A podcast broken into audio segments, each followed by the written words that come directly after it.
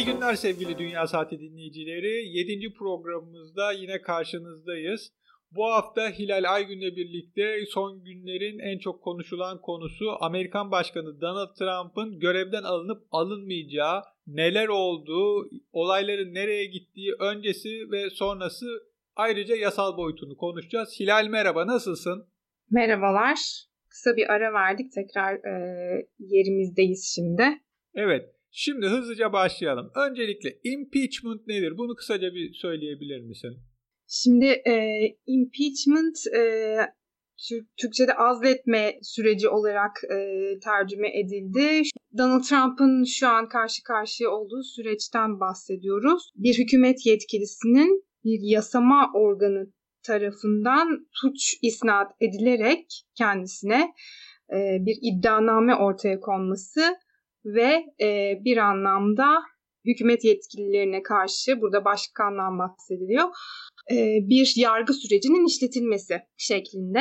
Sadece başkan değil anladım Anayasa Mahkemesi üyeleri veya işte üst düzey senatörler için de bu aynı şey yapılıyor. Aynı impeachment deniyor galiba. Evet, sürecin sonunda e, başkanın görevden alınıp alınmayacağı bilinmiyor tabii ki. Şu, bu sadece e, aslında süreci e, ifade eden bir tanım. Peki, Donald Trump bu noktaya nasıl geldi? Olaylar nasıl başladı? Nasıl patlak verdi? Neler oldu? İçeriği neydi? Onu bize kısaca bir anlatabilir misin? Şimdi bu bir muhbirin e, whistleblower olarak tabir edilen e, bizde tam karşılığı e, var mı bilmiyorum. Muhbir diye biz bunu e, tercüme ediyoruz. Fakat bu aslında bir e, hükümet hükümete bağlı bir kurumun içinde çalışan herhangi bir kişinin e, kurum içinde yapılan yanlışlıkları, e, yasa dışı e, uygulamaları bir şekilde ifşa etmesi e, şeklinde ortaya çıkıyor. E, tam olarak muhbirlik değil aslında. Bu hükümet e, hükümet veya devlet dairesinde çalışan kişilerin e, başta muhbir değil ama sonradan yanlış yapılan bir uygulamayı fark ettiği zaman e, bunu üst kademeye bildiren kişi şeklinde. E, Trump'ın olayında da yine bir e, muhbir, bir whistleblower bir e, ifşaatta bulundu. Trump'ın Ukrayna Cumhurbaşkanı e, Vladimir Zelenski ile olan bir telefon konuşması sırasında şu an önümüzdeki 2020 seçimlerinde kendi rakibi olacak e, Demokrat Parti'den büyük ihtimalle Trump'ın karşısında yarışacak olan aday Joe Biden hakkında, Joe Biden'ın oğlu Hunter Biden hakkında e, bir e, araştırma yapmaları, inceleme yapmaları, kendisiyle ilgili e, bazı iddialar var. Ukrayna'daki doğalgaz şirketiyle bağlantılı. Bu konunun araştırmasıyla ilgili telkinlerde bulunuyor. Hatta bu konuşmanın hemen öncesinde Ukrayna'ya Amerika tarafından yapılacak olan askeri yardımları askıya aldığı söyleniyor.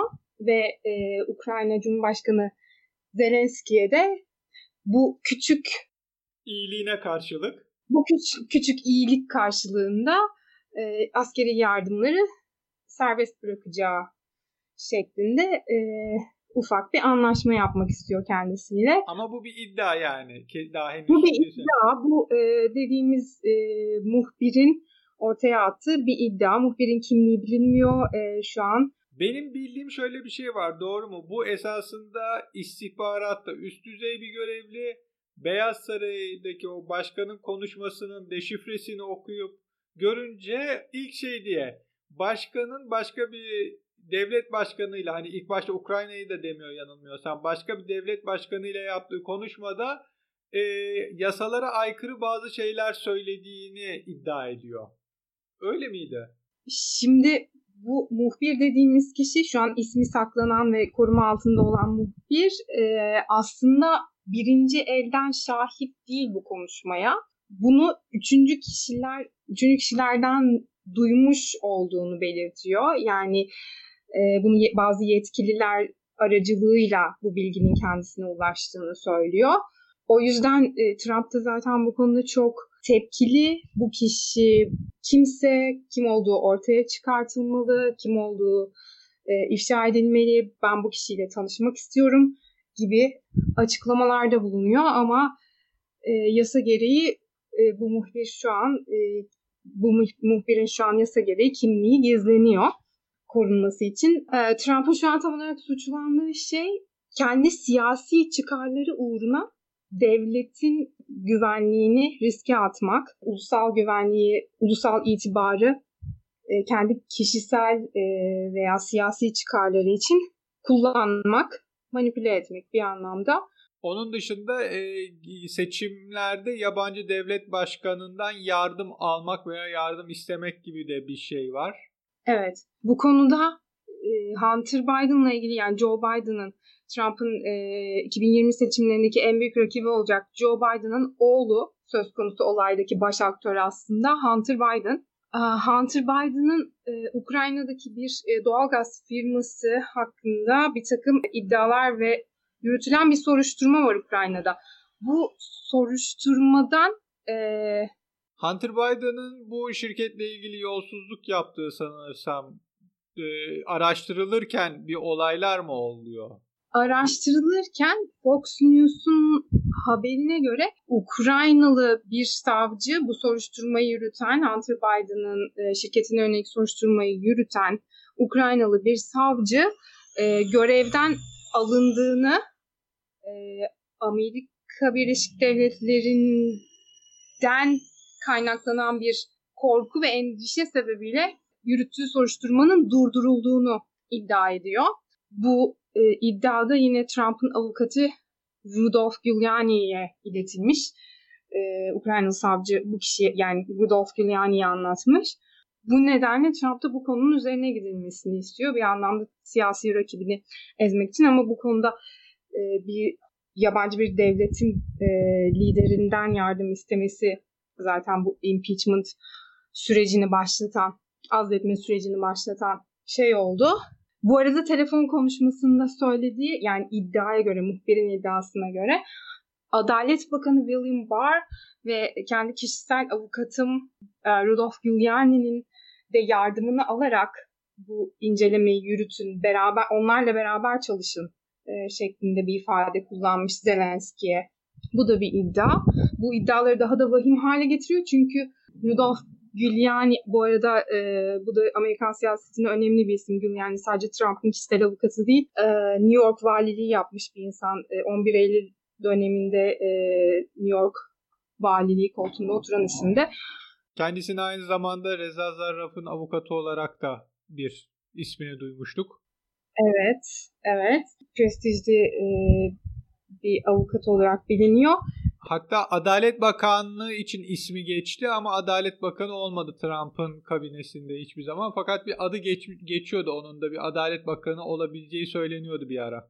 Evet, e, şimdi Rudolf Giuliani de e, geçtiğimiz günlerde mahkemeden bir celp aldı gidip ifade vermesi için. Senatoda değil mi ifade verecek? Senatoda ifade verecek, evet. Çünkü senatoda ifade vermenin Amerika'daki onu kısaca söylemek istiyorum. Senatoda ifade vermenin önemi şu. Senatoda söylenen her şey doğru kabul ediliyor ve FBI tarafından araştırılmaya başlanıyor. Eğer senatoda yalan söylüyorsanız FBI'ye karşı ya da işte federal yasalara karşı yalan söylediğiniz düşünülüyor ve bu bir suç. Bu başlı başına ayrı bir e, yine çok ağır bir suç teşkil ediyor. Sadece yalan söylemiş olması. Evet bu arada Trump bu iddialara yönelik e, kesinlikle böyle bir konuşma geçmedi demedi. Tam olarak e, iddiaları reddetmemekle birlikte dikkati başka tarafa çekmeye çalışarak e, dikkati Joe Biden'a yöneltmeye, Joe Biden'a, Hunter Biden'a e, çekmeye çalışarak bizim e, Zelenski ile telefonla ne konuştuğumuzun bir önemi yok. E, aykırı hiçbir şey konuşulmadı. Asıl odaklanılması gereken Joe Biden ve oğludur gibi böyle muğlak ifadelerde bulundu. Yani böyle bir konuşmanın geçtiğini tam olarak reddetmedi. Bir anlamda üstü kapalı bir şekilde kabul ettiği de söylendi. Ama bunun e, yasalara aykırı olmadığını savunuyor kendisi. Evet göreceğiz. Peki bu impeachment yani azletme süreci e, Amerikan politikasında e, daha önce Amerikan tarihinde başka Amerikan başkanlarına karşı kullanıldı mı? E, bu süreç nasıl işliyor? Geçmişte nasıl işledi? Bizi bu konuda biraz aydınlat. Peki. Ya öncelikle ben şunu söylemek istiyorum. Amerikan yasalarında hükümet yetkililerinin yani herhangi bir kamu memurunun yan, üstlerinin yanlış yaptığını gördüğü, düşündüğü anda idari amirlere haber verme, bilgi verme hakkı var. Buna işte whistleblower deniyor. Bu bilgiyi verdikten sonra kimliği saklanıyor ve ondan sonra e, şikayet edilen kişi hakkında da yasal süreç başlıyor. Bu her zaman e, senatoya, temsilciler meclisine gidecek kadar büyük olmasa da e, genelde biz bunları biliyoruz. E, bugüne kadar 3 e, başkan hakkında impeachment süreci başladı. Pardon 4 başkan hakkında başladı. Bir tanesi 1860'da James Buchanan'dı. O yolsuzlukla alakalıydı. Sonuçta kendisinin yolsuz ol, yolsuzluk yapmadığı ortaya çıksa da herkesin dediği şudur Amerikan tarihinde yani anayasa kabulünden sonraki en yolsuz hükümetti kendileri. Ee, ondan sonra ardından 1868'de Andrew Johnson'a karşı oldu ve kendisi görevden alındı. Sonrasında herkesin bildiği Nixon'a karşı bir süreç başlatılmadı esasında. Yani Nixon'a karşı bir e, senatoda mahkeme kurulacağı zaman Cumhuriyetçi Partililer Nixon'a dediler ki ya istifa et ya desteğimizi çekeceğiz. Yani bu sürecin sonunda sen suçlu bulunacaksın. Nixon da bunun üzerine istifa etti. Yani süreç başlamadan sürecin başlayacağını öngörünce e, şeyden temsilciler meclisinden geçtikten sonraki noktada istifa etti. Ardından da son olarak Bill Clinton'a karşı vardı. Bill Clinton'ın ise bu seks skandalları zamanında adaleti yanıltmak ve adaleti... Monica Lewinsky Oval Office skandalı Türkiye'de de çok konuşulmuştu. Evet bu Monica Lewinsky skandalı sırasında adaleti e, yanıltmak ve adaleti e, engellemek başkanlık gücünü kullanarak e, şey yapıldı. Fakat bunda da bir sonuç alınamadı. Orada da ufak bir ilginç anekdot vermek istiyorum. Bill Clinton'ın Monica Lewinsky skandalıyla ilgili ortaya çıktığı gün esasında e, CIA'in Güney Amerika'da e, Güney Amerika'dan uyuşturucu temin edip bunları işte Güney Amerika'daki komünist rejimlerle mücadele eden gerillalara satmak için Amerika içinde pazarladı. Buna izin verdiğine dair e, haberleri kabul ettiği senatodaki gündür. Bu CIA'nin kabulü ikinci habere düştü olay patlayınca. Ayrıca e, Clinton'ın da Monica Lewinsky konusunda ifade verdiği gün Yugoslavya Savaşı'nda Amerika'nın en fazla bomba yağdırdığı gündür. Neyse bu ekstra bilgileri geçelim. E, impeachment süreci şöyle işliyor. Öncelikle Amerikan Kongresi iki bölümden oluşuyor. Temsilciler Meclisi ve Senato. Temsilciler Meclisi bizim milletvekilleri gibi. Temsilciler Meclisi'nde öncelikle bu iddialı Temsilciler Meclisi alt kanat. Alt kanat.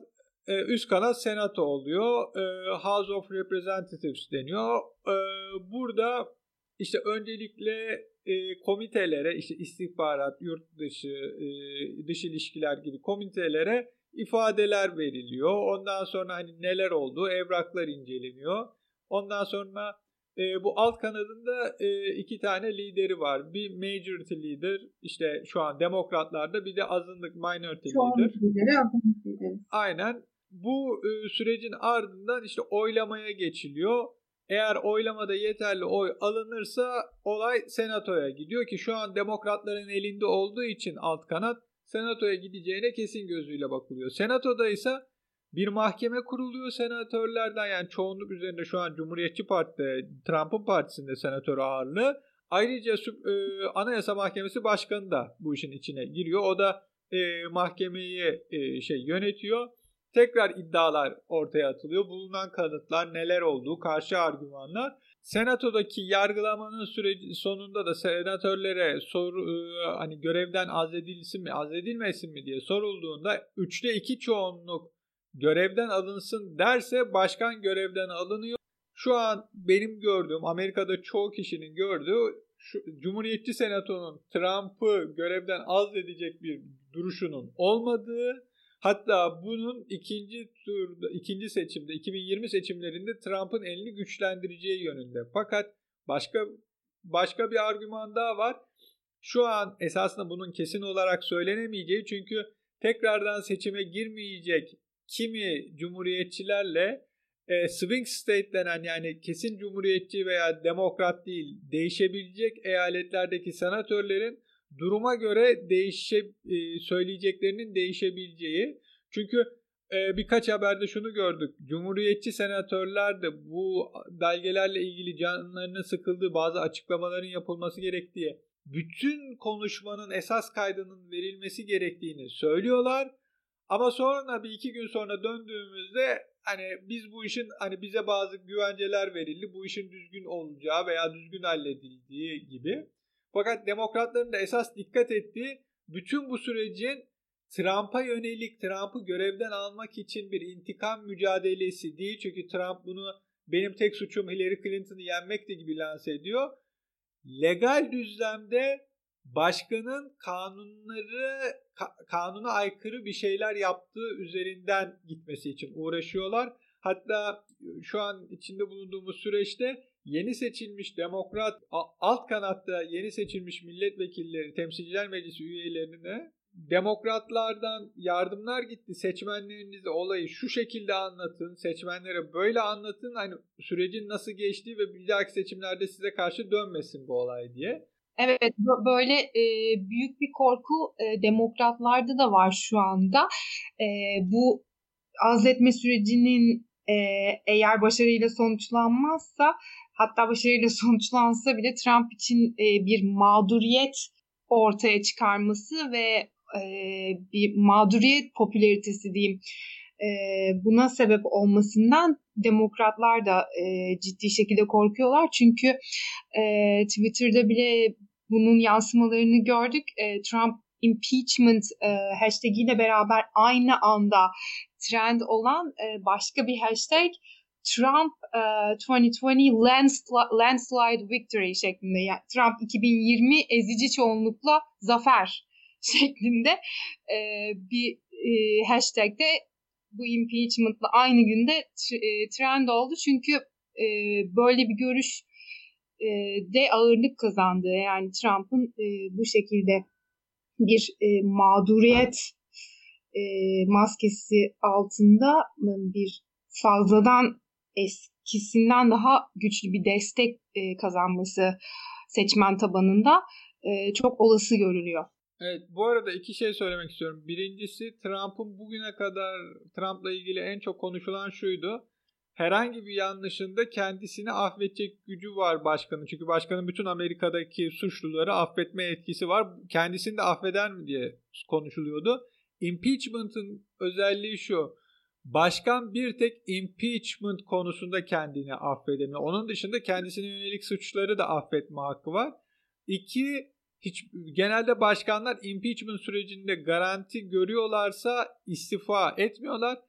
Nixon case'indeki olay şu. Başkan istifa ederse yerine başkan yardımcısı geçiyor. Ama Amerikan Anayasası'nın ikinci maddesinin dördüncü kısmına göre eğer Amerikan başkanı görevden azledilirse senato oylaması sonunda aynı zamanda bütün e, işte başkan yardımcısı ve bakanlar kurulu hepsi e, şeylerini bırakıyor görevlerini yani başkanın görevden alınan başkanın kabinesindeki herhangi bir kişi onun yerine başkan olamıyor. Bir seçime doğru gidiliyor. Bu yüzden eğer Trump'ta da görevden alınacağı Cumhuriyetçilerin görevden hani desteğimizi çekeceğiz sana dediklerinde tabi Trump bu belli olmaz ama böyle bir şey gelirse istifa etmesi durumunda ya başkan yardımcısı Mike Pence eğer istifa etmez de hakikaten impeachment süreci sonuca ulaşırsa bütün bakanlar kurulunun gönderilip yeniden seçime gidilmesi var. Peki e, başka gelişmeler var mı bu impeachment'la ilgili? Trump'ın kişisel avukatı Rudolph Giuliani'ye e, celp gönderildiğinden bahsettik. E, şu an o da soruşturma e, içine dahil oldu isminin geçmesi nedeniyle. E, aynı şekilde geçtiğimiz günlerde e, New York Times'ın ortaya çıkardığı başka bir iddia ortaya attığı diyelim.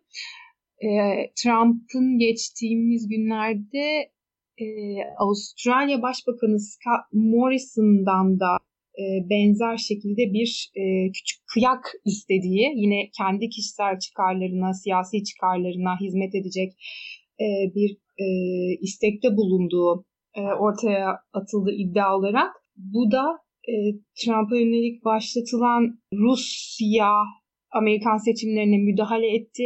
Trump'ın seçilmesine yardımcı oldu şeklindeki iddiayı soruşturan e, özel savcı Robert Mueller'ın soruşturması ile ilgili e, iddiaya göre Trump Avustralya Başbakanı Scott Morrison'a telefonda diyor ki e, bize yardımcı olun. Şu an bana yönelik başlatılan Mueller soruşturmasını itibarsızlaştırmak için bu iddiaların kaynağı nedir? Bunu araştırın. Bana yardımcı olun gibi bir istekte bulunuyor. E, bunun sebebi de Rus Amerikan seçimlerine Rus müdahalesi soruşturmasının Avustralya Avustralya istihbaratından gelen bir gelen bir bilgi üzerine başlatılmış olmasından kaynaklanıyor. Ee, Avustralya istihbaratının FBI'ya yaptığı e, bazı bilgilendirmelerden sonra bu soruşturmanın başlatıldığı yani onların elinde de bu konuyla ilgili bir takım e, kanıtlar veya doneler olduğu söyleniyor. Yani sorunu kaynağından çözmek üzere Trump'ın e, Avustralya Başbakanı'ndan böyle bir yardım istediği de e, yine bu Ukrayna e, örneğine benzer şekilde e, benzer bir örnek olduğu için gündeme getirildi. Orada ilginç bir durum var. Esasında e, çok bilinmez ama Avustralya, Kanada, Yeni Zelanda, İngiltere ve Amerika'nın Five Eyes adıyla bilinen istihbarat paylaşımı için yaptıkları bir şey var, yapı var.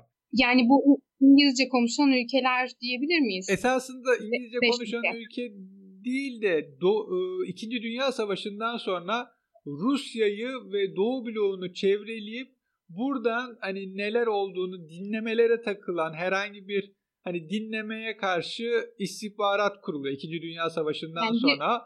İstihbarat ittifakı. Evet yani bir dü- dünyayı hani Rusya'yı böyle bir yarım hilal içine alıyor gibi eğer şeyi or Afrika'yı ve Avrupa'yı ortaya koyarsak hani böyle bir Rusya'yı çevreliyor gibi düşünülebilir. Fakat bu sonrasında e, şeye karşı da terörle sav- e, savaşa karşı da kullanıldı.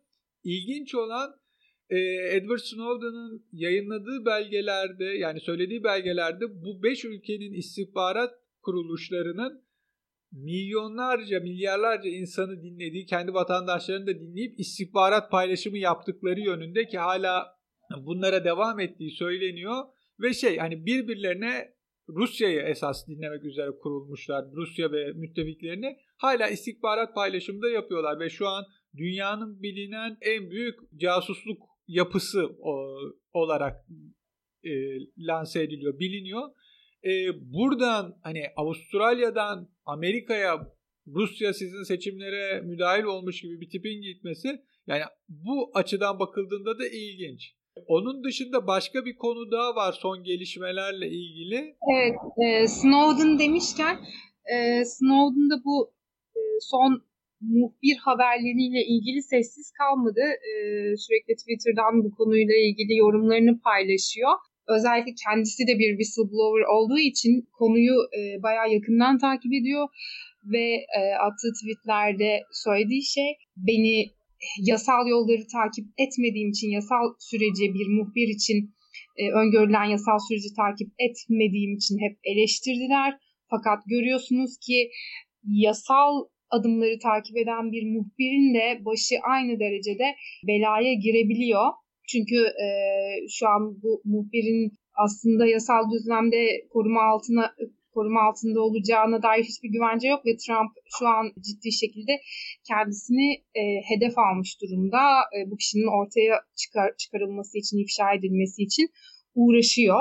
Hatta kendisi de şey haberlere yansıdı whistleblower'da yani güvenliğinden, e, adının gizli kalacağından endişe duyduğunu söylüyor. Evet, her an ciddi şekilde bir yargı süreciyle bu, e, bu muhbir karşılaşabilir. Çünkü Snowden örneğinde kendisi Amerikan istihbaratın e, istihbarat örgütü NSA'in Ulusal Güvenlik Teşkilatı dediğimiz NSA'in e, Amerika genelinde e, bütün herkesin telefon trafiğini, özel konuşmalarını, internet yazışmalarını, her şeyini takip ettiğiyle ilgili bilgiye ulaştığı zaman bundan rahatsız oluyor. Bunu ilk önce e, amirlerine danışıyor. Ne yapması gerektiği konusunda bunu bildirmelerini istiyor üst kademelere. Fakat bununla uğraşma, başın belaya girer tarzında e, yanıtlar alıyor.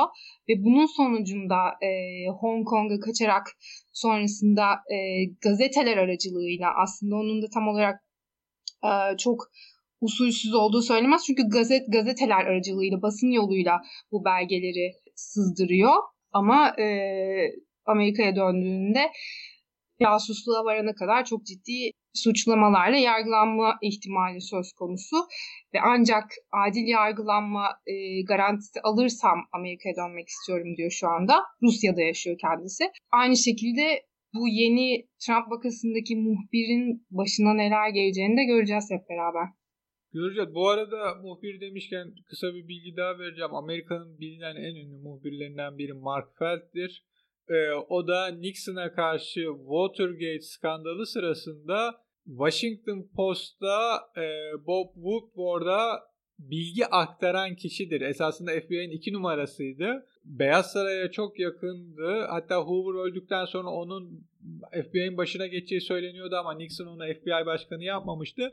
Sonrasında kendisi uzun süreler kim olduğu bilinmedi ve Nixon'ı esasında düşüren kişi. Çünkü hani Washington Post'un Watergate skandalını o yıllar boyunca nereye doğru nasıl götürmesi gerektiğini fısıldayan kişiydi. Ama adı hiçbir zaman ortaya çıkmadı süreç boyunda. Ama tabii şimdi Trump dönemi işler değişebilir. Bu arada bir başka gelişme daha var. Amerika'nın eski Ukrayna Büyükelçisi Marie Yovanovic'in e, Yovanovich hakkında Dışişleri Bakanlığı'na, Amerikan Dışişleri Bakanlığı'na sene başında dezenformasyon bilgileri gitti ve bunların doğru olmadığı bir gözetimci Watchdog tarafından Temsilciler Meclisi'ndeki görevli kişilere, komite liderlerine anlatıldı. Buna göre sene başında Mike Pompeo'ya bir e, bazı bilgiler gidiyor. Bu bilgilerin içinde hatta Hunter Biden, e, Joe Biden'ın oğlu Hunter Biden'a ait bazı teoriler, dokümanlar da var. Fakat son paylaşımda şunlar çıkarılıyor. Bunlar gerçek değiller değil, gerçek do, e, dokümanlar değil. Bunların çoğu kariyer diplomatı bir kişinin ve bu impeachment sürecinde önemli bir tanık olacak kişinin e, itibarını yok etmeye yönelik bir kampanya. Hatta içeriğinin ne olduklarına dair de e, şey demokrat milletvekilleri e, çok bir açıklama yapmıyor. Sadece Jamie Raskin bir açıklama yapıyor. Demokrat diyor ki Trump'ın sahip olduğu bir otelin dosyaları içinde gönderilmiş. Yani bu kadar amatör işler de var gibi bir söylem var. Fakat işte hani süreç nereye gidecek? Yani sürecin sonunda senatoya gidecek ama senatoda ne olacak? O o zamana kadar Amerikan halkı nasıl bir tepki verecek? Bu işe nasıl bakacak? Çünkü çok bölünmüş durumda. Merak konusu. Ama en azından şunu görmek güzel bir devletin hangi kademesindeki yönetici olursanız olun kuvvetler ayrılığı ilkesi varsa her şekilde bir yargı sürecinden geçiyorsunuz. Diye mesajımızı da vermiş olalım. Mesajları dinlediniz. Senin son olarak söylemek istediğin bir şey var mı? Ee, son olarak söylemek istediğim işte beni e, kişisel olarak en çok meraklandıran kısmı konunun e, bu muhbir konusu. Bu muhbirin kimliği ortaya çıkarılacak mı? E, bu kişi Trump'ın bir devlet başkanıyla konuşmasını halka ifşa ettiği için yargılanacak mı? Vesaire vesaire. Yani o sürecin e, ne olacağı yargılanmaya gitmez. Çünkü yargılanmaya giderse benim bildiğim şeyin çıkması gerekiyor. Bu konuşmanın esas metninin çıkması gerekebilir. Çünkü şöyle de bir şey var işte bu whistleblower diyor ki ben bu süreci hani bunları ifşa ettikten sonra Beyaz Saray'da Giuliani'nin de önemli rol oynadığı bir noktada bütün bu yazışmalar Beyaz Saray'daki ikinci bir server'a aktar, aktarıldı ki oradaki her şey gizli kalıyor ama bu konuşmada benim bildiğim ulusal güvenliği ilgilendiren bir şey yoktu. O yüzden çıkmalı. Yani yargılanırsa da işte ulusal güvenliği tehdit eden bir şey yoktu. Bu yazışma çıksın filan denebilir. Bence evet. ismi çıkarsa şöyle iki tehlike var. Bir, evet kendisine yönelik bayağı kampanya olur, bayağı hayatı, ailesinin hayatı bayağı mahvolur. Yani bir vatan hainliğiyle suçlanabilir hani e, cumhuriyetçi kesim tarafından. E, suçlanır da o sonuca gitmez ama şöyle bir şey olur. Bundan sonraki whistleblower'lara için örnek teşkil eder. Ya yani onun başına gelen benim de başıma gelebilir. Susmalıyım. Evet bu chilling effect dedikleri dondurucu etki diyelim. Bu whistleblower'a karşı dava açılamayacağı da şundan geliyor. Çünkü kendisi tamamen yasal yolları izliyor. Yani herhangi bir gazeteye, basın kurumuna gidip elden bilgi vermiyor. Yani direkt onların muhbiri durumunda olmuyor. Yasal yolları kullanıyor. Yasal yolları kullandığı için buna bir dava açılamaz. Ama gitseydi CNN'e, New York Times'a, Washington Post'a, Ga- İngiliz gazetesi Guardian'a ya böyle bir şey var bu konuşma buydu buydu gibi bir bilgi aktarsaydı oradan bu olay çıksaydı basından o zaman bir dava açılabilirdi ama kendisi tamamen yasal yolları izliyor. Bu yasal yolları izlerken diğer e, süreç içindeki diğer temsilcilerden işte bazı haberler çıktığı için medyanın da haberi oldu. Yani whistleblower Snowden olayında gördüğümüz gibi gidip direkt veya konuşmadı gazetele veya Mark Feld'de olduğu gibi hani alttan bilgi vermedi. Direkt gitti üstlerindekilerde böyle böyle yanlışlıklar var. Bunların e, buna karşı bir eylem hani buna karşı yasaların ne gerekiyorsa o yapılmalı gerek.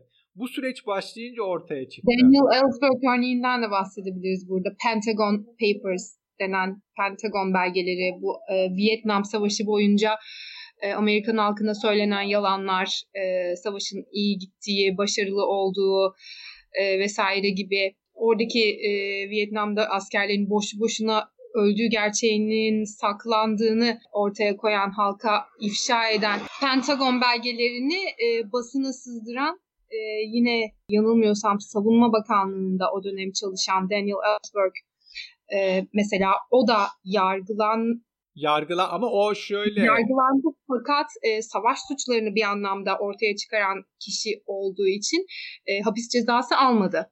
Evet, ama orada şu var. İlk başta bu New York Times'a gitti bu belgeler.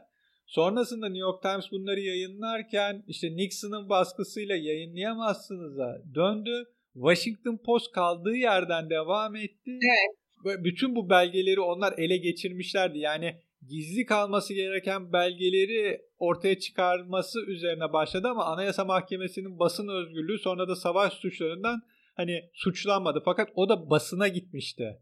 Hani New York Times'a ardından da Washington Post'a geçti bu belgeler. Yani süreci işletmedi yine. Fark burada. Esas önemli fark bugüne kadarkiler arasında bu. Süreci işletmeden hani bu sürecin önünü tıkayacaklar diye basına gitmesi. Direkt olarak amirlerine konuyu bildirmesi. E, bunun çoğu vakada e, bastırıldığı biliniyor fakat bu kez Amirler bir şekilde bunu ciddiye aldılar. Impeachment süreci, sürecini başlatacak noktaya getirdiler. E, o yüzden e, burada biraz da şey hani Amerikan toplumunun çok keskin bir bölünmüşlük içinde olmasında etkisi var. Yani demokratlar ve cumhuriyetçiler son 100 yılda görülen en keskin ayrımına girdiler. Yani Obama'nın seçimiyle birlikte başlayan süreç şu an çok keskin bir noktada. O zaman bugünlük yayınımızın sonuna geldik diyorum. Senin bir vermek istediğin mesaj var mı? Umarım Türk okurların da konuyla ilgili kafalarında kalan bu impeachment azletme süreciyle ilgili e, tam olarak Amerika'da şu anda neler olup bittiğiyle ilgili kafalarda kalan soru işaretlerini e, umarım biraz netleştirebilmişizdir. Bu arada sevgili dinleyicilerimiz aklınızda kalan bir soru olursa bize geekgiller at gmail adresine mail atarak Twitter e, hesabımıza mesaj atarak veya Facebook sayfamıza yine mesaj atarak sorabilirsiniz. Yayınla ilgili yorum veya eleştirilerinizi de buradan gönderebilirsiniz. Aynı şekilde. O zaman iyi haftalar diliyorum sana Hilal. Teşekkürler sana da. Ee, sevgili dinleyiciler, Dünya Saati'nin sonuna geldik. Yayınlarımızı Spotify, iTunes e, veya Google e, Podcast application'larından ve SoundCloud'dan dinleyebilirsiniz. Haftaya farklı bir konuda görüşmek dileğiyle hoşçakalın.